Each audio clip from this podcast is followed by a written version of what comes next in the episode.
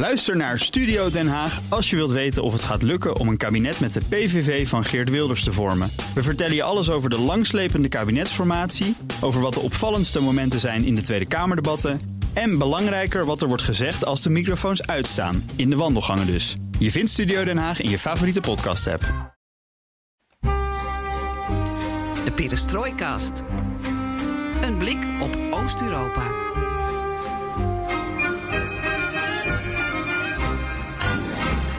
Welkom bij BNR Perestrooikast, de 78e aflevering van de enige podcast van Nederland die volledig oog voor het oosten geeft en heeft.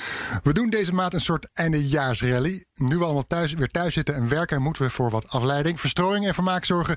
Noem het onze plicht richting de luisteraar. Dus opnieuw een podcast. En we richten onze blik daarvoor voorbij de Elba, de Wolga, de Lena, vanaf de rivier de Amur naar het zuiden en over de Tumen rivier via een vriendschapsbrug met het land komen vanuit Rusland in Noord-Korea. Een onderwerp mede op verzoek van Johan Zichterman uit het prachtige Almere, voegt hij aan toe. En dit thema, Noord-Korea, behandelen vandaag met de man die hier tegenover me staat, Casper van der Veen als co-host. En zonder Geert-Jan helaas. Die excuseert zich, maar is over een paar afleveringen weer van de partij. Misschien wel eerder. Casper heeft het boek De Kim-dynastie geschiedenis van Noord-Korea geschreven. Hierin vertelt hij hoe de Kim-familie over Noord-Korea al meer dan 70 jaar met ijzeren vuist regeert. En vanaf het begin eigenlijk speelt het Kremlin een invloedrijke rol in de opkomst van deze dynastie. En nu nog altijd, zij het in mindere mate. En met Casper duik ik in op de vraag hoe het Kremlin Noord-Korea op de been heeft geholpen, heeft geholpen en nog altijd houdt. En, want juist deze week schreven Russische media dat Pyongyang het Russische coronavaccin heeft gekocht. Welkom Casper hier in de studio. Um, kun je alvast een tipje van de sluier geven? Een soort cliffhanger naar straks over wat de Russen hebben uitgesproken met de familie Kim. Ja, het is de Sovjet-Unie geweest die de Noord-Koreaanse staat heeft uh, ingericht, opgezet en op weg geholpen. En die in uh, 1945 dachten met de jonge Kim Il-sung een uh, ja, makkelijke pion te hebben. Die zijn mm -hmm. een beetje gewillig vanuit Moskou konden aansturen. Maar in dat uh, laatste zouden ze zich lelijk vergissen. Oké, okay, dus het kleine Noord-Korea die uh, bokst met succes op. Misschien wel tegen dat grote toen Sovjet-Unie, nu Rusland. Jazeker. Oké. Okay. Um, we gaan ook nog even wat kijktips met jou doornemen. -hmm. uh, daar komen we zo meteen op terug. Ook nog iets daar, een kleine cliffhanger van te maken? Uh, Jazeker. Onder meer een gepensioneerde kok die een undercover wapendeal sluit met Noord-Korea. En uh, nou, voor de afwisseling een heerlijke Zuid-Koreaanse dramaserie op ah. Netflix... die het gewone leven in Noord-Korea op fenomenale wijze belicht. Uh, Noord-Korea, Zuid-Korea. Uh, het is weer eens wat anders, maar in ieder geval voorbij de Elbe. Dus we kunnen er uh, wat dat betreft, en communistisch, in ieder geval Noord-Korea, althans in naam, misschien in praktijk allemaal wat minder. Maar we kunnen wat dat betreft hebben een goed excuus om ook Noord-Korea eens een keer te behandelen. ik heb zelf straks nog wat Google-nieuws, althans de meest gezocht, gezochte Google uh, zoektermen per land over het afgelopen jaar. En Casper, je komt ook nog met een mop. Mm -hmm. Kijk eens aan. En Joost straks ook. Dus we hebben twee moppen voor de prijs van één. Casper um, zit nog te twijfelen. Hij heeft twee moppen in zijn hoofd. Uh, maar hij moet er eentje van mij laten afvallen. Ik moet streng zijn, maar misschien dat Joost uh, hem kan helpen erbij. Ja, wie weet komen we democratisch tot een... Goede uitkomst. Oké, okay, met z'n drieën, dus je hebt in ieder geval een meerderheid inderdaad. Um, je weet het inmiddels, alles ten oosten van de rivier de Elbe kan de komende weken, maanden, jaren in deze podcast worden besproken. En wat leuk is, is dat wij, nou ja, Floris en Geert-Jan, heel sociaal en democratisch zijn. En dat je ideeën kunt inbrengen via Twitter, perestrooikast. Of mail ons at, op perestrooikast.bnr.nl. Ja, dat had ik begin ook moeite mee. Op een gegeven moment gaat het wel beter als je met 80 afleveringen. ja, ik denk als we drie aapstaartjes invullen, dat vanzelf wel ja, terugkomt. Ja. Komt wel goed. Ik ben Floris Akkerman. En ik ben Casper van der Veen. En dit is BNR Perestrooikast.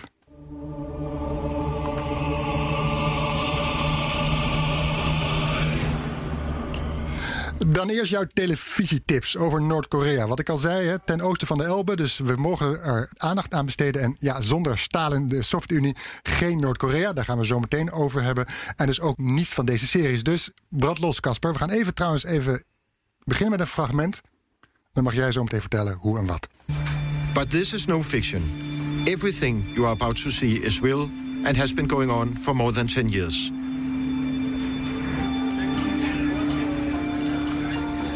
This is him age 14, somewhere in Denmark. He is celebrating his birthday. Among the guests are children who grew up in the communist dictatorship East Germany. Many years later, as a grown man, he will claim that befriending these kids and learning about the horrors of a totalitarian regime made him decide to infiltrate and expose the most brutal dictatorship of all. North Korea.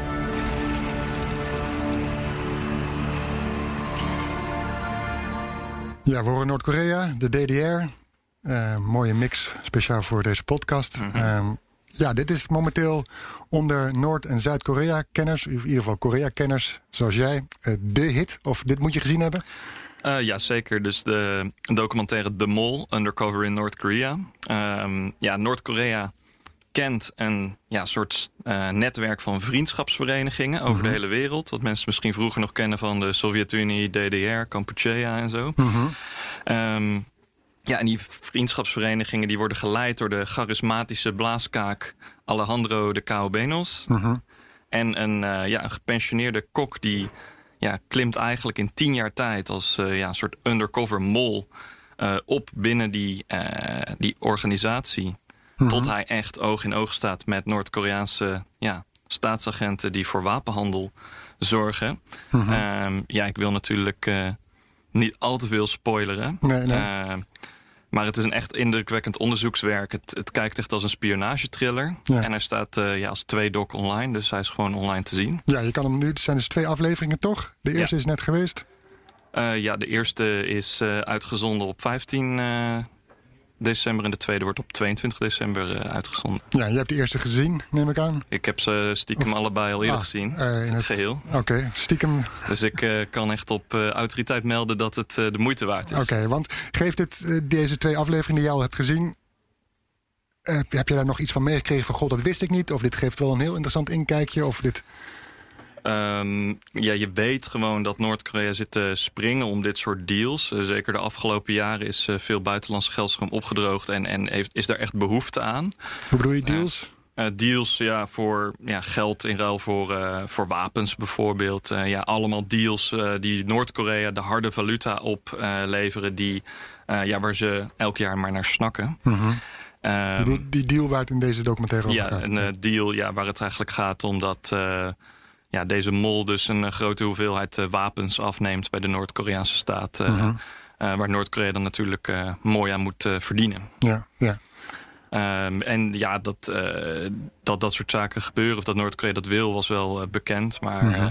dat dat via die vriendschapsverenigingen eigenlijk nog relatief makkelijk gaat, dat Mhm. Is toch best wel ja, bijzonder. Maar jij bent er ook lid van zo'n vriendschapsvereniging? Uh, nee, niet bepaald. Oh. Ze hebben me ooit wel eens uh, gemaild om uh, te zeggen Aha. dat ik mijn uh, ja, journalistieke werken meer moet aanpassen aan de lijn van de no Noord-Koreaanse staatsmedia. Aha, maar je bent wel eens daar geweest. Dus dat, dat, dat, ruikt dan naar, riekt dan naar. Ja, maar met wat ik de afgelopen jaren heb geschreven, zal het mij verbazen als ze me nog een keer naar ja. binnen laten. Je was er als, als student, toch? Ja. Uh, ik was er op een, uh, ja, eigenlijk een soort uh, ja, toeristische reis daar. Waarbij je ja, elke dag in je hotel wordt opgehaald en te zien krijgt mm -hmm. ja, wat het regime wil dat je ziet. Ja. Ik was toen niet zo naïef dat ik dacht het echte Noord-Korea ja, te zullen Mhm. mm -hmm. aanschouwen. Um, maar ik had ook niet echt het idee dat ik daar iets, iets fouts mee deed. En inmiddels ben ik wel wat, wat kritischer geworden op dergelijke ja, toeristische projecten naar Noord-Korea. Omdat het een soort uh, Noord-Korea een, een, menselijk gezicht geeft, of in ieder geval van uh, nou legitimeert ja, het regime hiermee? Of geldt dat je die kant... Een, be een beetje inderdaad, dat je wel geacht wordt voor uh, die standbeelden te buigen. En uh -huh. je weet niet wat er uh, vervolgens gefilmd wordt en op de Noord-Koreanen wordt afgevuurd. Uh, dat ik ineens word neergezet als uh, de Nederlandse minister van Buitenlandse Zaken... Ja. die buigt -hmm. voor de grote leider. Maar ja, verder ook inderdaad. Het is gewoon een, een, een klein onderdeel van een, een ja, groot Noord-Koreaanse operatie... om zoveel mogelijk buitenlands geld uh, naar binnen te halen. -hmm. Ja, want je betaalt daar met met, dollars. Har ja, ja, Met, uh, ja. met harde valuta. Dus dollars, euro's, soms uh, Chinese renminbi. Dat, ja. uh, en wanneer was dat, dat je er was? dat was 2012. was eigenlijk vlak na het aantreden van de huidige leider Kim Jong-un. Ja. Um, dat was het eerste, eerste, het eerste fragment, of in ieder, ieder geval de eerste serie of kijktip uh, uh, die jij wil geven. tweede is waar we nu gaan luisteren. Ik laat even weer een fragment horen. 난 지금 북한에 와 있다. 어디 다친 데는 없어? 이렇게 모르는 사람이 보는 앞에서 울고 있어야 되냐고. 곧 좋아질 거요. 모든 게. 이정혁 씨는 참 좋은 사람이야. 갑자기 그런 생각이 들어요. 난 이정혁 씨가 행복했으면 좋겠어. Klinkt allemaal heel zoet. Ja, is op andere manier dramatisch dan Ja. de vorige eh, Daarom, kijktip. Dus eh, ja, Crash Landing on You is een eh, ja, Zuid-Koreaanse dramaserie die eh, op Netflix staat. Ehm, En ja, wat eigenlijk bijzonder daarin is, eh, je moet wel een beetje inderdaad door dat eh, dramatische van een Zuid-Koreaanse soap heen. Eh, maar wat er vooral bijzonder aan is, dat het, is dat het een echt genuanceerd en goed uitgezocht beeld laat zien van hoe ja, de Noord-Koreaanse samenleving werkt, hoe Noord-Koreanen leven, met elkaar communiceren, relaties aangaan, vermaak hebben. En het komt ook omdat de ja, scriptschrijver heeft zich laten adviseren door een Noord-Koreaanse vluchteling die gewoon echt, ja, echt naar details heeft gekeken. Eh, er zit ook best wel veel humor in, zoals. ehm, Wanneer een eh, Zuid-Koreaan aan eh, Noord-Koreanen gaat uitleggen dat ze aan eh, intermittent fasting doet. Een soort ja, eh, vaste voor je dieet. Ehm, ja, eigenlijk kort gezegd, het gaat erover dat een Zuid-Koreaanse vrouw die erfgenaam is van een miljardenbedrijf. Tijdens het eh paracelen, paragliden, wat is Ja, het? paraglider kan. ehm, per ongeluk over de grens in Noord-Korea terechtkomt. En eh, daardoor de charismatische kapitein Ri wordt eh, ja, aangehouden. Ja. Ehm, ja, en daar begint het drama eigenlijk. En ja, wat ik bijzonder vind is dat het... ja, normaal zetten no- series over Noord... eh, worden Noord-Koreanen neergezet als of kwaadaardige spionnen... of een beetje goedgelovige sukkels. En hier wordt echt gekeken naar van, ah ja, wat... eh, ja, wat gebeurt daar als eh, dus bijvoorbeeld dat de stroom de hele tijd uitvalt en dat mensen dan eh, gaan fietsen om weer elektriciteit op te hebben, eh, wekken, zoals je ook op Schiphol bijvoorbeeld hebt. Ja. Of dat mensen worden wel telefoons hebben met apps erop, maar dat de App Store letterlijk een fysieke winkel is waar je een app koopt en, en die op je telefoon gezet wordt. En dat ook in Noord-Korea met de rijkdom pronkende elite hebt. Ja, ja. Maar dus ook veel eh, romantiek en ook veel humor eh, voor, de, voor de liefhebber. Dus eh, absoluut een, eh, een aanrader. Ik heb hem eh, vier ballen gegeven bij mijn eh, recensie in NRC. Vier ballen. Ja, dat is altijd maar subjectief, hè, die ballen. Ja, Oké, heb je er nog iets aan toe te voegen? Of eh, heb je hiermee het verhaal verteld van jou? Een Crash Landing on You op Netflix. ja ik wil niet eh, nog meer spoileren. Dus eh, behalve dat het eh, eigenlijk ook een kritische blik werpt op de Zuid-Koreaanse samenleving. Dus het is een rijke serie. Ja, om te voorkomen dat we helemaal in, in, in Noord-Korea en Zuid-Korea gaan, stappen we snel over op, op mijn nieuws, mijn tips. eh ben benieuwd. Ehm, ik, ik ook. Nou ja, ik weet natuurlijk al een beetje waar ik over ga hebben. En wat ik al zei is, ja, elk jaar komt Google dus met een overzicht van de meest gezochte zoektermen per land. En ik heb er eventjes eh, voor deze keer lukraak drie landen uit onze regio genomen. Polen, Rusland en Letland. Ehm, we kijken eerst even naar Polen. Dus waar mensen, waar mensen op Google eh, op zoeken eh, dit jaar via, via Google. En ja, dan zie je natuurlijk in die top 10 van zoekopdrachten veel corona- en thuiswerk gerelateerde zoektermen. Dat zou je niks verbazen. Breaking. Ja, dat, dat, eh, ieder, ieder volk is hetzelfde eigenlijk. Eh, daarnaast heb je de, de blik op de VS met de Amerikaanse verkiezingen. Joe Biden en de overleden basketballegende Kobe Bryant. Maar op de achtste, plek zien we 365 niet. eh, 365 Days. Dat is een erotische thriller. Ik laat even een stukje horen. Się wydarzyło na tej pierdolnej Sycylii? Już myślałam, że cię porwali. Dlaczego zostawiłeś mnie samą w moją rodzinę?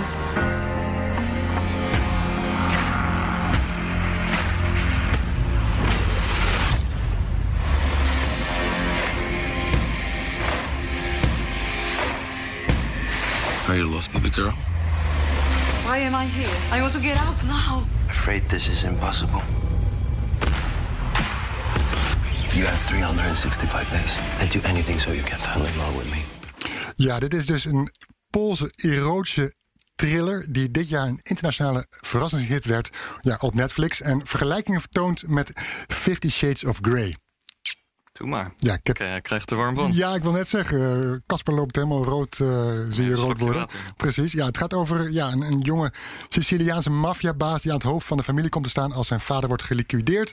Ehm, ja, en dan komt er een vrouw natuurlijk in het spel die op vakantie is in Sicilië. Ze komen elkaar tegen. En ja, en dan gebeurt er van alles. Van en, alles. Ja, ik wil niet te veel te verklappen, maar in ieder geval geeft die maffiabaas die vrouw 365 dagen de tijd om van hem te gaan houden. 365 Days op Netflix. Dan gaan we even naar de Russen. De Russische eh, Google-zoektermen. tuurlijk, corona. En alles wat daarmee te maken heeft. Eh, maar ook de oorlog in Nagorno-Karabakh. De olieramp in het Russische Noordpoolgebied bij de stad Norilsk. En de massasterfte van zeedieren in Kamchatka. En wat je opvalt, hè, als je kijkt naar de meest gezochte personen. Ja, dan zie je inderdaad natuurlijk Joe Biden en Donald Trump. De Wit-Russische president. Dan, dat zegt hij, denkt hij zelf te zijn. Alexander Lukashenko, Kim Jong-un. Komt erin voor. Eh, natuurlijk beroemde Russen die zijn overleden. En Alexei Navalny, de Kremlin-criticus. Die vergiftiging volgens in, in Duitsland is eh, eh, on- onderzocht en eh, op de been is gebracht. En later deze week dat er de, de Russische geheime dienst eh, daar van alles mee te maken heeft. Het Kremlin doet er alles aan om hem hè, te negeren. Weigert zijn naam te noemen. Ik geloof dat dit jaar toch de woordvoerder van Poetin dat één keer heeft gedaan. En ja, ja, ja, dat is haast vloek in de kerk. Eh, maar goed, dat houdt de Russen dus niet tegen om meer te weten te komen over Navalny. Ik moet wel zeggen, het is wel een kanttekening, want zoekmachine nummer één in Rusland is niet Google, maar het Russische Yandex. En ja, ik weet niet hoe hoog Navalny daar scoort. Ehm, maar ja, zoals Russen al zeiden tijdens de Sovjet-Unie en nu nog steeds wel eens... voor betrouwbare informatie moet je bij buitenlandse media zijn. Dus misschien zoeken ze nu ook wel hun informatie... dus betrouwbare informatie bij een niet-Russische zoekmachine. Ja, dat eh, ken ik wel vanuit Noord-Korea. Dat is een van de eh, weinige landen waar je meer over te weten komt door er eh, niet te zijn. Ja, precies. Dus Navalny, daar willen ze toch graag over weten, de Russen. Tot slot hebben we Letland, heb ik even uitgepikt. Natuurlijk corona, de Amerikaanse verkiezingen en een loterij. Geen idee wat voor loterij dat was. Misschien heeft iemand wel eh 20 miljoen euro gewonnen in Letland. Ik weet het niet. Ehm, maar er is ook een top 10 gemaakt van de meest gezochte recepten. En dat leek me handig met het oog op kerstmis ter inspiratie. Komt hier, ik doe even van 1 naar 10. Eh courgette recepten. Je hebt eh andere kantarelsaus zochten de letten op. Cookie recepten, havermoutkoekjes, rabarbercake, cottage cheese overschotel, kweepeersiroop, aardappelpannenkoekjes, aardbeienjam en het beroemde haring in een bontjas. Ken je ook wel, hè, het laatste recept. Nou, nee. Van die, dat is haring en met van die laagjes. Kom je veel tegen in Rusland. Van die laagjes met, met eh, aardappel, ook laag mayonaise, ehm, haring dus.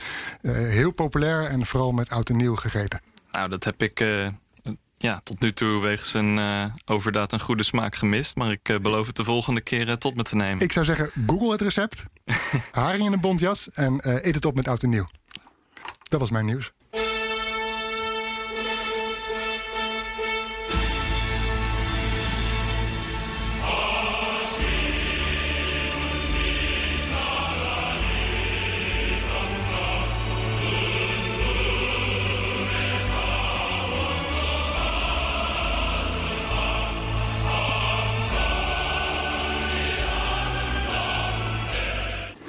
Het Noord-Koreaanse volkslied. Hiermee trappen we eigenlijk het hoofdgesprek af. Ja, om eh, nog wat luisteraars over te laten voor je heb ik maar niet meegezongen. Nee, nee, nee. Je ging wel helemaal al strak in de houding staan. Ja, het is een soort eh, reflex. Ja, goed.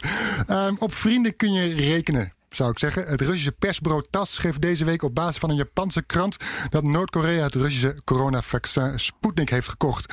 Het prijskaartje van het contract en de gekochte hoeveelheid zijn onbekend. Maar dit is in ieder geval het meest recente voorbeeld van de relatie tussen Noord-Korea en Rusland. Maar hun band gaat nog veel verder terug. Sterker nog, communistisch Moskou heeft een sterke hand gehad in het ontstaan van Noord-Korea en de Kim-dynastie. Een relatie die tot op de dag van vandaag voortduurt en Pyongyang kan in tijden van nood nog altijd rekenen op Moskou. Kasper, jij gaat voor ons deze relatie tussen Moskou en Pyongyang tot op de bodem uitdiepen. Ik doe mijn best. Ja, ik leg even de lat hoog hoor. We nemen niet genoegen met eh ditjes en datjes. Nou, Even beginnen met het nieuws, Casper, over dat eh, Noord-Korea dat Russische corona-vaccin koopt. Ehm, je zou zeggen, op vrienden kun je rekenen in tijden van nood. Uh, ja, de banden tussen Moskou en Pyongyang zijn nog steeds goed. Het is uh, ook niet in, uh, als we het even heel cynisch stellen... ook niet in het belang van Rusland... dat er een grote existentiële crisis in Noord-Korea ontstaat. Mhm, mhm. Dus als zij kunnen helpen daarin, zullen ze dat doen. maar de Russische ambassade wil dit nieuws... de Russische ambassade in Noord-Korea... Mhm. wil dit nieuws niet bevestigen. Is het beter dan om zoiets geheim te houden? Of wat, wat, waarom zijn de Russen hier niet... Waarom zou je niet kunnen zeggen... Ja, als dat, is, dat het waar is, dat gebeurt? Ja, het is misschien helemaal niet duidelijk of het waar is. Uh, precies. Zo'n uh, Jap- Japanse krant uh, die, die kan dat wel, wel schrijven. Maar ja, er worden wel vaker dingen geschreven op basis van anonieme bronnen... Die, waar je dan vervolgens nooit meer wat van hoort. Mhm. Overigens, als het zo is, gaat uh, wordt er wel de vraag... hoe alomvattend die vaccinatiecampagne zal worden. Mhm. Noord-Korea heeft een... het Noord-Koreaanse zorgstelsel is eigenlijk al drie decennia geleden ingestort. Mhm. En uh, ja, de vraag is of er echt een grootschalige nationale campagne kan worden opgezet. Ja, en, en zou Pyongyang dan uh, korting krijgen van Moskou om zo'n vaccin in te slaan? Uh, ze zullen wel moeten, denk ik. De afgelopen jaren is er vrij weinig geld binnengekomen. Mhm. Rusland heeft Noord-Korea wel vaker gematst Mhm. met bepaalde ja, goederen, met hulp. dus ja, ik, ik verwacht het wel. Ja, we gaan even terug naar de tij- in de tijd, naar de jaren 40, 50. Eh, We zien dat de Sovjet-Unie, ik heb jouw boek er nog even, ik heb jouw boek gelezen, de Kim-dynastie, geschiedenis van Noord-Korea. Ehm, daarin las ik dat de Sovjet-Unie helpt met de oprichting van Noord-Korea eigenlijk in de jaren 40, 50. Kun je eens uitleggen, niet te lang, kort, eh, waarom en hoe ze dat doen? Ja, ik zal inderdaad niet de hele finale van de Tweede Nee. Wereldoorlog even proberen uit Dus te, die slaan we over. te lichten. Maar het komt erop neer dat vlak voor de uh, ja, Noord, Noord- en Zuid-Korea was toen nog uh, één land. Mhm. Het was een kolonie onder Japan. En ja, Japan verloor uh, in de Tweede Wereldoorlog. En in de laatste dagen van die oorlog trokken uh, ja, troepen van het Rode Leger het noorden van Korea binnen. Um, en ja, bezetten daar uh, steden. Mhm. En er werd eigenlijk uh, een, een akkoord gesloten tussen de ja, VS, eigenlijk de geallieerden dus, de VS en de Sovjet-Unie. Uh, om dat land dus op te delen in twee stukken. Een communistisch noordelijk deel, wat door de Sovjet-Unie zou worden opgezet. En een kapitalistisch zuidelijk deel, waar de Amerikanen zich over zouden ontfermen. Mhm. En dan binnen een jaar of vijf zouden er verkiezingen komen. Waarbij het volk dan zelf mocht kiezen onder welk systeem ze moesten leven. Nou, Mhm. Uh, we, weten, we leven nu in 2020, dit was 45. Dus uh, we weten in ieder geval dat het niet zo is afgelopen zoals het gepland is. Ja, ja.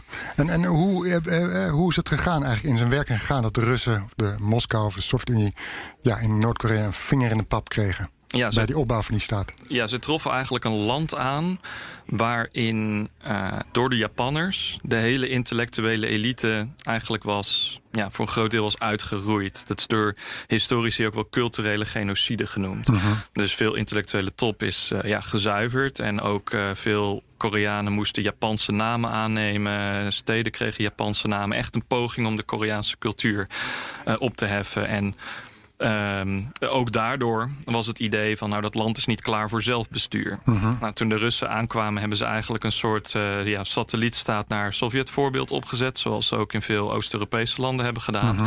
Ze zetten ja, een eenpartijstaat op... met een uh, ja, collectieve landbouw- en planeconomie... Uh, ja, en, en één uh, leider. Mhm. En ja, daarvoor moest nog iemand gevonden worden. En ja, zij vonden daarvoor de jonge 33-jarige Kim Il-sung. Uh, die ondanks zijn uh, nou, nog jonge leeftijd al een uh, carrière van ruim tien jaar als guerrilla-strijder tegen de Japanse kolonisator Mhm. erop had zitten. Ja. En ja, zoals ik al in de intro zei, ze dachten nou die, die Kim Il-sung die... Terwijl uh, gast, die kunnen wel een beetje als een pion daar Ja, neerzetten. want die en komt ook uit- die heeft de Russische wortels, om het zo even te zeggen, toch? Die, die, eh, of ben ik nu in de war met zijn zoon? Met zijn zoon, eh, Ja. ja. Dus Ja. hij... Mhm. ehm, eh, zo rond eh, negen- 1939, 1940 werd het hem echt te heet onder de voeten om nog in ja, Manchurije Mhm. tegen de Japanners te knokken. En toen heeft hij in Siberië heeft hij asiel gekregen. Werd hij ook opgenomen in het, in het Rode Leger, in een internationale brigade. Eh, en, en in die periode is inderdaad zijn zoon, eh, twee zoons eigenlijk, maar eh, onder meer zijn zoon Kim Jong-il, die, die later de leider zou worden, eh, die is dus geboren in eh eh, Gabarovsk, spreek ik dat goed? Gabarovsk, mhm, maakt Ja. uit. Eh, dat is in ieder geval ehm, de. Yuri. Ja, dat is hoe, eh, waar Kim, eh, Kim Jong-il, eh, inderdaad, toen, eh, die toen Yuri werd genoemd, eh, werd geboren. Je zei eigenlijk dat de Russen dachten van hier hebben we een eh, satellietstaat. Deze man hebben we in, ons, in, in de tas. Um, Appelpeertje eitje. Dat li- liep dus anders. Ja, dat liep anders. Dus eh, de eerste jaren kunnen we wel zeggen dat ehm, ja, er gewoon echt werd gewerkt aan een soort eh, ja, opbouw van die Noord-Koreaanse staat. Eh, maar Kim Il-sung, ja, vanaf een jonge leeftijd begon die, of eh, vanaf vroeg in zijn eh, ja, regeerperiode werd hij al, eh, ja, trok hij al meer macht naar zich toe, probeerde hij meer zijn eh, zin te krijgen. En eh, ja, maken we misschien een klein sprongetje in de tijd. Ehm, maar in 1950 valt hij dan Zuid-Korea binnen. Overigens wel met na veel gezeur en gedrentel eh, toestemming van eh, Stalin. Ja. Ehm, Maar die zat er helemaal niet op te wachten, toch? Eh, aanvankelijk niet, maar dat, nadat hij was eh, overtuigd door Kim Il-sung dat, er, dat die oorlog en heel snel gewonnen zou worden. En dat eh, er contact was geweest met allemaal broeders in het zuiden, geheime communistische cellen die in opstand zouden komen. Dacht Stalin, nou, dat, is, dat komt dan misschien wel goed. Maar nee, in 1950 hadden veel, had de Sovjet-Unie ook wel andere dingen aan zijn hoofd. Ja, ja. Nou, die oorlog uiteindelijk. die, Die duurt lang. Ja, die zal Ja. ik niet helemaal uitzetten, nee, nee, maar die eh, eindigt in 53 eigenlijk in een padstelling. Mhm. En je ziet dat daarna, zeker daarna, eh, Kim Il-sung heel erg zijn eigen plan trekt. eh, vaak ook tegen de zin van de Sovjet-Unie en ook zijn andere grote bondgenoot, eh, communistisch China onder Mao Zedong. Ja, je ziet wel dat Kim Il-sung zich laat inspireren door het Stalinisme, toch? Absoluut. Dat, dat, dat is wel... Ja, dus ehm, Wat, wat, wat, wat haalt hij daaruit? En waarom doet hij dat? Dus wat eh, Noord-Korea zeker in deze periode eh, daaruit haalt. ehm, in die, die eerste vijf jaar kun je nog wel zeggen, er, er was een soort ja, socialistische staat. Eh, maar wat Kim Il-sung eigenlijk vooral bewaart aan het Stalinisme, is datgene wat zijn macht bevestigt, bestendigt. Eh, het wordt veel meer een, ja, een ordinaire autocratische dictatuur, waarbij eigenlijk alles erom draait om, om de macht van de leider te beschermen en te vergroten. Eigenlijk een, een soort machiavellistische ideologie die tot, tot op de dag van vandaag wordt aangehangen. Dus zo'n persoonlijkheidscultus, eh, ja, die nu al decennia gaande is, die helpt Noord-Korea daarbij. Daarin zijn ze geïnspireerd door de Sovjet-Unie, dus dat houden ze wel aan. Ehm, ja, ook een centraal geleide economie, ook al is die niet eh, eh, efficiënt. Ehm, dat gaat Noord-Korea ook niet zozeer meer om, om bepaalde eh, marxistisch-leninistische idealen. Maar meer omdat dat de macht gewoon in handen van het regime houdt. Ehm, ja, en daarnaast ja, de zuiveringen en gulags zijn helaas ook in Noord-Korea eh, geïnspireerd door de, door de Sovjet-Unie. Waar Noord-Korea in de Koude Oorlog in ieder geval echt een meester in was, was ehm, de Sovjet-Unie en China eigenlijk tegen elkaar uitspelen. Dus ten tijde van de culturele revolutie in China, dan hebben we het over 1966 tot 76, zijn de banden met, eh, ja, met Noord-Korea worden dan slechter. Maar dan vervolgens bouwt eh, Noord-Korea dus weer de banden op met Sovjet-Unie onder Brezhnev. Ja, en daarvoor eh, zijn de banden met Khrushchev slechter, maar met Mao Zedong dan weer beter. ja. En eh, je ziet dat Noord-Korea toch voor een heel groot deel van die Koude Oorlog steun weet te trekken uit allebei die communistische grootmachten. Terwijl veel andere landen moesten kiezen bij welke van de twee ze zich aansloten. ja. En, en, en je ziet ook dan onder Khrushchev, dat is toch een ander bewind dan daarvoor. Dus op dat moment is Khrushchev waarschijnlijk ja, eh, te, te, te liberaal, eventjes om het zo te noemen, voor Noord-Korea. Dus dan, Revisionistisch. ja, dan, dan kiezen ze voor China. Ja. En Brezhnev doet eigenlijk weer een stap de andere kant op. Dus dan komen ze vanzelf weer eh, eh, in de, nou niet in de gratie, is wat iets te sterk, maar dan, dan openen ze weer de deuren naar, naar Moskou vanuit Pyong- Pyongyang. Ja, en dat, dat gaat soms ook per leider, verschilt dat per periode. Maar ehm, ja, ze weten wel vaak steun te trekken uit, eh, uit die beide landen. Ja, ja. Nou, dan komt er een kentering hè, in de periode van Gorbachev en Yeltsin, wanneer de Sovjet-Unie uiteenvalt en, en Rusland op eigen benen moet staan. Ehm, dan heeft Moskou het eigenlijk in die periode helemaal geschoten met Pyongyang. Ja, inderdaad. Het eh, einde van de eh, ja, Koude Oorlog, zoals het wordt genoemd. Dus en de, de val van de Sovjet-Unie. Ehm, dat wordt een eh, hard gelach voor eh, Noord-Korea. Mhm. Dus voor, eh, ja, voor Gorbachev eh, stond Noord-Korea precies voor dat, ehm, ja, dat, dat harde, inefficiënte communistische systeem... wat hij nog probeerde te hervormen. Ja, en voor Yeltsin was het helemaal eh, een, een reliek uit het verleden waar hij vanaf Mhm. wilde. Ja. Dus ehm, echt pas eh, vooral na Gorbachev wordt, eh, ja, wordt Noord-Korea laat eh, Moskou Noord-Korea keihard vallen. Mhm, mhm. En wordt gezegd, nou, al die olieleveranties die jullie voor hè, vriendschapsprijzen Mhm, krijgen en die jullie helemaal niet kunnen betalen, voortaan gaan jullie marktprijzen eh, daarvoor betalen. Maar Ja. dat, dat kan Noord-Korea helemaal niet. Die economie is eigenlijk nooit eh, eh, daartegen opgewassen geweest. China springt dan begin jaren negentig nog een tijdje in het gat. Mhm. Maar als die vervolgens besluiten dat zij ook eh, hun eigen problemen hebben, zie je wat er gelijk gebeurt in Noord-Korea in 94. Eh, een gigantische hongersnood waarbij Mhm. honderdduizenden burgers om het leven komen. Na Yeltsin komt ons alle bekende Poetin. En die bezoekt in 2000 Pyongyang, Noord-Korea. En daarvan hebben, heeft de Noord-Koreaanse televisie een reportage gemaakt van ruim een half uur. En dat heb ik eventjes, nou ja, niet, niet kort teruggebracht, maar ik laat een fragment van 26 seconden eventjes horen. Alright. 위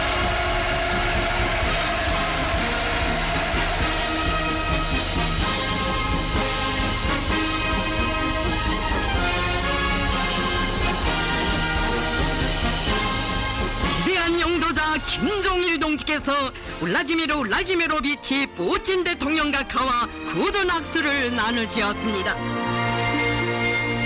Vind je dat geen leuke presentatiestijl om voortaan in te Eh, spreken? ja, we kunnen, nou ja, we kunnen haar ook wel uitnodigen, deze dame. Leeft ze nog? Is ze nog? Eh, Jazeker. Is dat die beroemde. Ri Chun-hee, de r- beroemde eh, presentatrice van de Noord-Koreaanse Nou, ja, misschien staatsmedia. eh, wil ze een keer eh, invallen.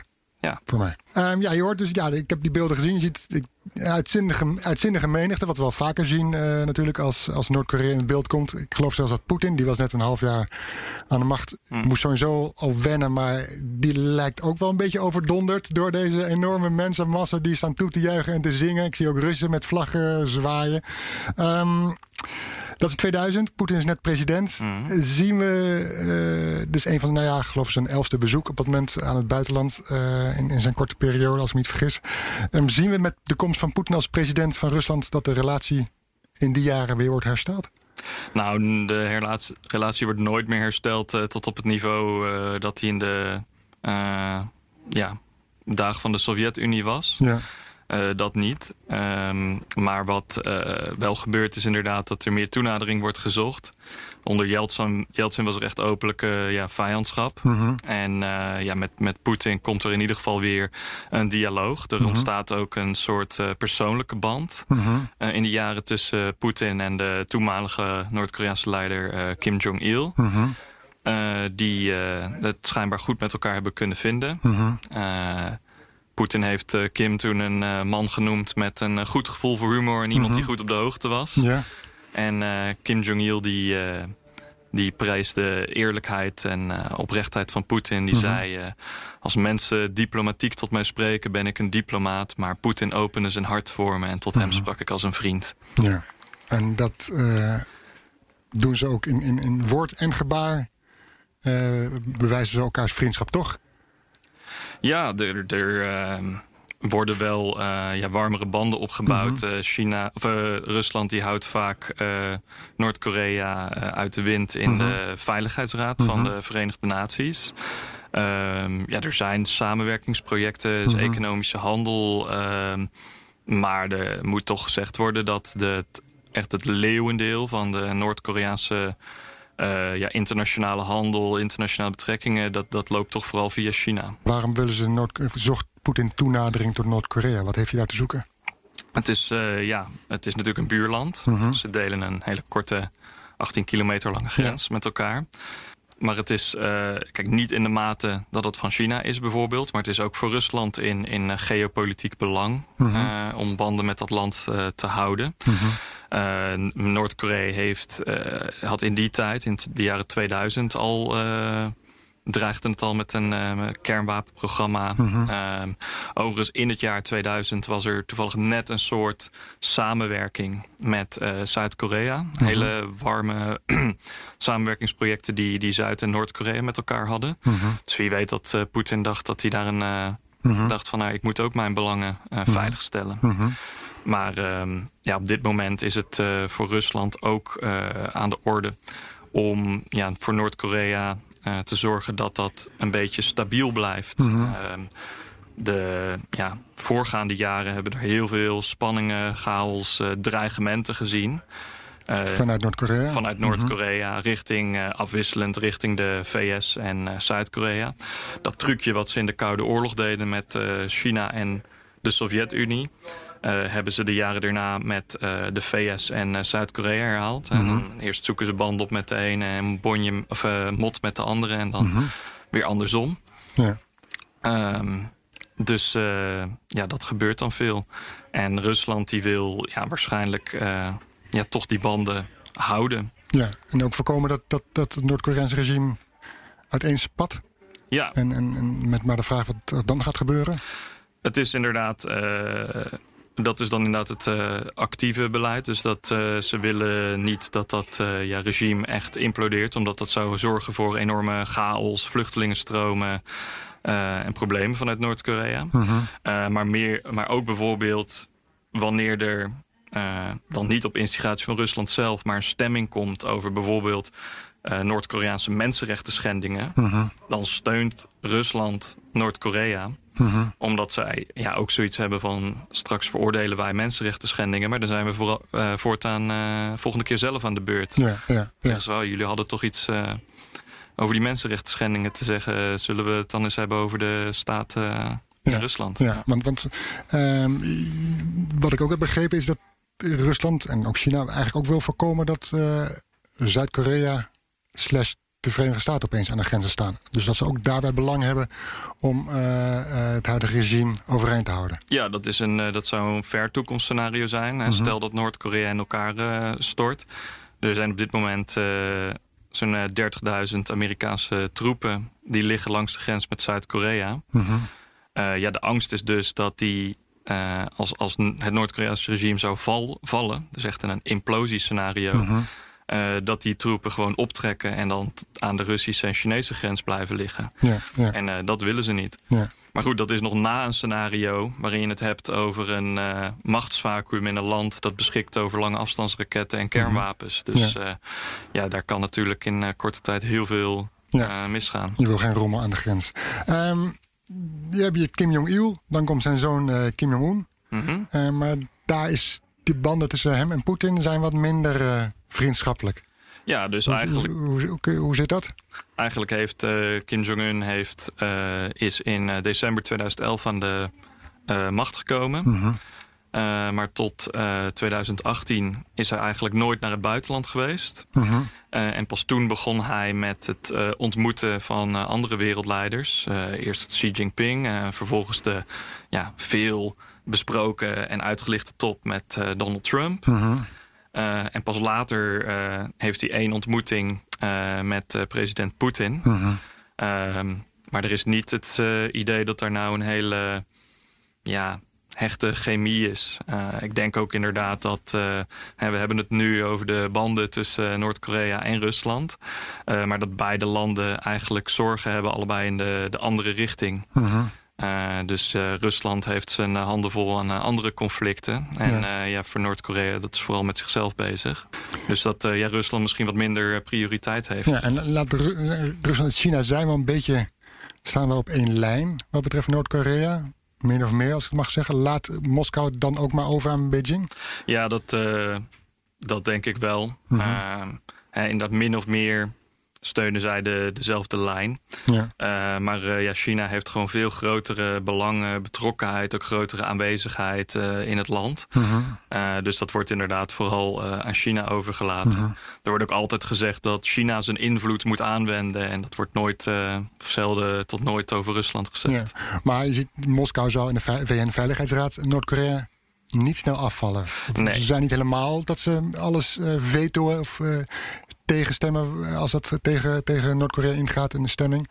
Maar uh, er is wel een, een zekere lat waar ze niet voor aan voorbij gaan. Als het echt gaat om hè, wat zij vinden uh, binnenlandse inmenging, uh, mm -hmm. maar dan gaat het ja over mensenrechten of onderdrukking, uh, mm -hmm. dan zal ja, Rusland dat inderdaad niet steunen mm -hmm. als er iets tegen Pyongyang wordt ondernomen. Eén ding moet wel gezegd worden: het, ja, het kernwapenprogramma dat Noord-Korea met succes heeft weten te ontwikkelen. Uh, dat was ook niet iets waar uh, ze in Moskou en ook niet in Beijing om zaten te juichen. Ja, dat is een vraag ook van, van Jeroen Klop geweest via Twitter. Uh, hij vraagt: Noord-Korea heeft een kernwapenprogramma dat in het Westen controversieel is. Wat zijn de opvattingen van de Russen over dit Noord-Koreaanse kernwapenprogramma? Maar je bent al een beetje begonnen. Ja, dat, ehm, ja, dus eigenlijk niemand is daar, daar blij mee. Maar omdat uh, heel lang Noord-Korea niet serieus werd genomen, niet als serieuze bedreiging werd gezien, uh, of dat er ja, gewoon niet goed op gereageerd werd, of gedacht werd dat er nog wel een dealtje mee te sluiten was. Hè, want het land is zo arm, als ze mm -hmm. wat geld bieden, stoppen ze wel met die kernwapens. Um, ja, is dat eigenlijk uh, op een gegeven moment was, stonden ze voor een voldongen feit. De eerste kernproef in 2006 volgde op een periode met juist enorm veel samenwerking -hmm. uh, en steun aan Noord-Korea. Maar in het geheim werkte Noord-Korea door aan het kernwapenprogramma. Terwijl het idee was, nou als we ze laten zien hoe goed het is om je te openen mm -hmm. naar de buitenwereld, -hmm. dan zullen ze zelf ook een wat uh, opener systeem opzetten. Ja, heeft, heeft Moskou instrumenten om invloed uit te oefenen op Pyongyang? Nou, niet meer dan uh, wat de afgelopen jaren is gebeurd. Dus mm -hmm. uh, VN-sancties uh, steunen. Dus mm -hmm. ja, die VN-sancties. die zijn ook vaak natuurlijk wel door Rusland en ook China gesteund. Mm -hmm. Een probleem zit hem vaak ook in de um, handhaving daarvan. Dus er, er, zijn allerlei handelsembargo's en sancties tegen Noord-Korea afgesloten. Uh -huh. uh, en vervolgens zien mensen bij de Chinese grens nog allemaal vrachtwagens de grens overgaan. Ja, ja. in Nederland, of in, met Rusland, wat dat betreft, zijn er zelfs in Nederland nog kamervragen over gesteld. Uh -huh. toen enkele jaren geleden bleek dat Noord-Koreaanse schepen en Noord-Koreaanse en Russische schepen. Dat er olie werd overgepompt op de open zee. Dus om het zo uh, in het geheim te doen. Ja. Om zo toch nog stiekem olie uh, te leveren -huh. aan uh, Noord-Korea. Ja, dus wat dat betreft zie je wel dat ze bezig zijn om Noord-Korea overeind te houden. Ja, en de afgelopen. ik weet niet of ik nu weer voor mijn beurt spreek, maar. ik weet wat je gaat zeggen. Nee, nee gewoon spannend. dat ja, Noord-Korea die exporteert ook veel van zijn eigen arbeiders. Ja, daar, daar, daar komt even een actueel haakje na. Uh, vorige maand zette Washington een Russisch bouwbedrijf en een Noord-Korea en een Noord-Koreaans bedrijf uh, op de sanctielijst. Hè. Dat bedrijf, dat Noord-Koreaanse bedrijf, dat is actief in Rusland. Want de Amerikanen beschuldigen de twee ondernemingen ervan betrokken te zijn bij de export van dwangarbeid van Noord-Koreanen naar Rusland. En waarschuwden Pyongyang en Moskou om alle overgebleven Noord-Koreaanse arbeiders naar huis te sturen. Um, die beschuldigingen van dwangarbeid tussen Rusland en Noord-Korea zijn niet helemaal uit de lucht gegrepen, toch? Dat... Zeker niet. Nee, Noord-Korea of uh, Rusland is een van de grootste afnemers. -huh. uh, van Noord-Koreaanse uh, arbeiders. er wordt ook gezegd dat zij hebben ehm, ja, gebouwd aan de voetbalstadions. -huh. WK 2018. Van WK 2018. Ja. Um, en er zijn toen op een gegeven moment VN-sancties ingesteld. Die hebben gezegd, nou uiterlijk eind 2019 moeten die dwangarbeiders weg zijn. -huh. uh, maar de, ja, de, dit jaar is uh, gebleken dat er nog uh, enorme aantallen nog steeds in Rusland aanwezig zijn. Dus blijkbaar is er wel een belang om ja, die daar te houden. En vooral een economisch belang. Ze zijn namelijk ontzettend goedkoop. Je hoeft -huh. ze niet echt te betalen. Je maakt -huh. het geld over naar Pyongyang. Ehm, je hoeft je niet aan arbeidswetgeving te houden. Ze werken 16 uur per dag en uh, ja, hebben daar niks tegen in te brengen. Ja. Uh, en dat is voor sommige bedrijven te aantrekkelijk uh, om te laten liggen. Ja, ja. en, en, en, en eh, die, dan wonen ze daar in Rusland, of leven ze in Rusland, maar ze worden nog steeds, zijn haast verplicht om een Noord-Koreaanse ideologie, ideologie te blijven volgen, toch? Ze worden. Ja, vaak worden dus niet zo dat ze vrij uit in Moskou kunnen stappen. Nee, nee dat, uh, dat zou de zaak nog anders maken. Maar mm -hmm. dat, uh, vaak worden ze gehuisvest op de werkplaats zelf of mm -hmm. uh, kort daarbuiten. ja, ze worden ook bewaakt door Noord-Koreaanse ja, agenten die met hen mee zijn. Mm -hmm. En hebben vaak nog buiten hun werk om een soort ja, ideologische sessies waar, zij, waar de propaganda doorgaat, waar zij de loyaliteit moeten betonen aan het Noord-Koreaanse systeem. Ja, dus onder ogenluikend toezien, gedoogd door Moskou. Ja, het zijn eigenlijk geëxporteerde ja, Noord-Koreaanse kleine Noord-Koreaanse staatjes die je eigenlijk mm toelaat op je grondgebied. Ja, en, en zo probeert Moskou uh, op allerlei manieren toch Noord-Korea te helpen qua financiën, uh, qua olie. Uh. Ja, een beetje. Of, dat, dat is aan de orde. Mm Maar ook de, de bouwbedrijven die die Noord-Koreanen inhuren, die houden er zelf gewoon heel veel aan over. Omdat ze gewoon gigantisch sparen op, uh, op arbeidskosten. Ja, je bent in Rusland geweest, in Noord-Korea. Uh, moet je eens een keer naar de vriendschapsbrug kijken die tussen de twee landen is gelegd? Um, ja, ik heb het in Rusland nog nooit uh, tot uh, Vladivostok geschopt of uh, zo ver naar het oosten. Mm -hmm. Dus nee, daar ben ik nog, nog niet geweest. Oké, okay. dankjewel. Casper van der Veen, co-host voor vandaag en ook schrijver van het boek De Kim-dynastie, geschiedenis van Noord-Korea. Hallo, Moskou, hier Pyongyang. Ja, hi. Pyongyang, Moskou. Pyongyang, ja. Nou, kijk eens aan, we zitten in Pyongyang. Ja, we zijn overal en nergens. Ja, we hebben hier met Casper van der Veen net uitgebreid gehad over de relaties tussen Rusland en uh, Pyongyang en Noord-Korea. Casper um, ja. gaat ook hier een mop vertellen. Niet in Noord-Koreaans, heeft hij, heeft hij uh, verteld. Hij heeft er twee.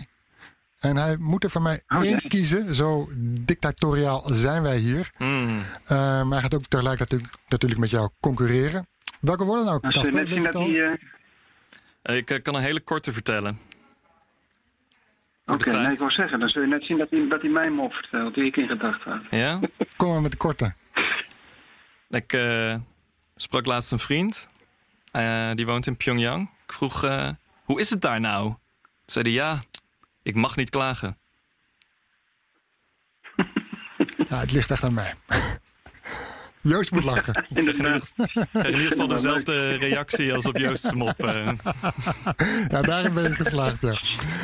Uh, ja, Joost begrijpt hem ongetwijfeld, want het is hetzelfde soort humor waarschijnlijk. Misschien toch dat het toch die communistische, Sovjet-achtige leesgeschoeide Noord-Koreaanse humor. Ja, wie weet. Daarom. Ja. Um, hoe is trouwens, heb, uh, heb je wel eens Noord-Koreaans gegeten in Moskou, uh, Joost? Of... Wat zeg je? Heb je wel eens Noord-Koreaans gegeten in Moskou? Zie je daar? Heb je Noord-Koreaanse restaurants? Ik... Of? Ja, ik heb, ik heb één keer in een Noord-Koreaans restaurant gezeten met een vriend. En die zei uh, tegen mij, we, we, zaten helemaal alleen daar. We zijn nog niemand verder. En ik geloof dat we alleen, ik weet niet eens meer, een saladetje of een soep hebben gehad. Of, en, en die vriend van me zei, kijk eens goed naar de, naar de serveersters en de, en de, en de, de, de, de, hoe noem je dat, de obers. Hij zegt, die kijken veel te intelligent uit hun ogen. Dat zijn helemaal geen obers. Dat zijn waarschijnlijk geheime, geheime agenten, dacht hij. Maar goed, dat was zijn, uh, zijn veronderstelling. Um, Joost, je Kom maar ja. door.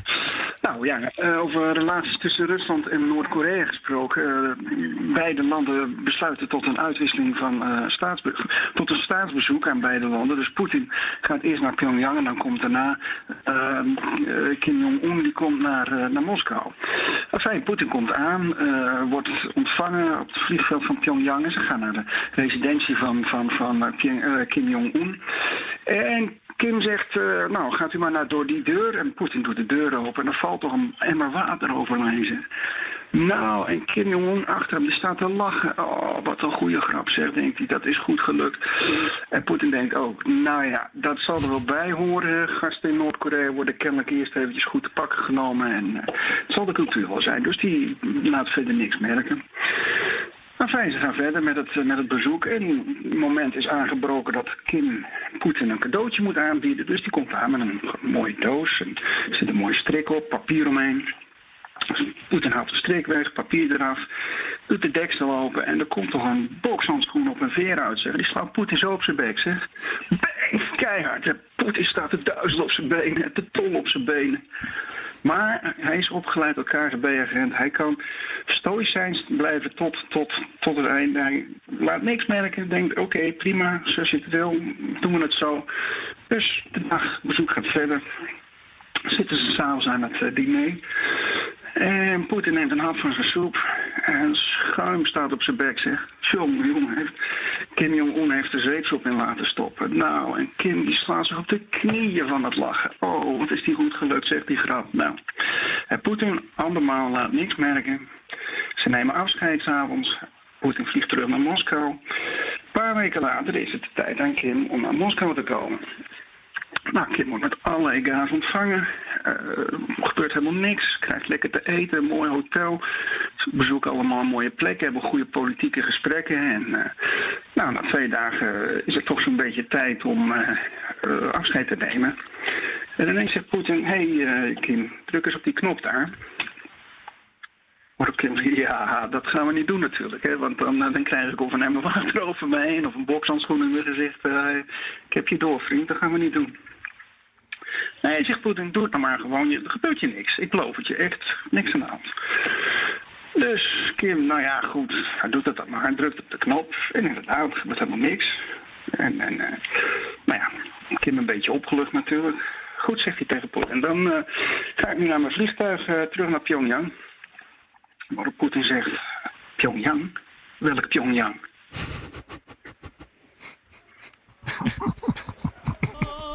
Mooi. Kort en bondig. Ja, ik snap hem. Ja, kort en bondig. En, dat eh, wordt uitgebreid deze keer. Casper gaat het vertellen aan zijn Noord-Koreaanse vrienden. Yes. Oeh, moet hij vooral doen. ja, Pakka. oké. 안녕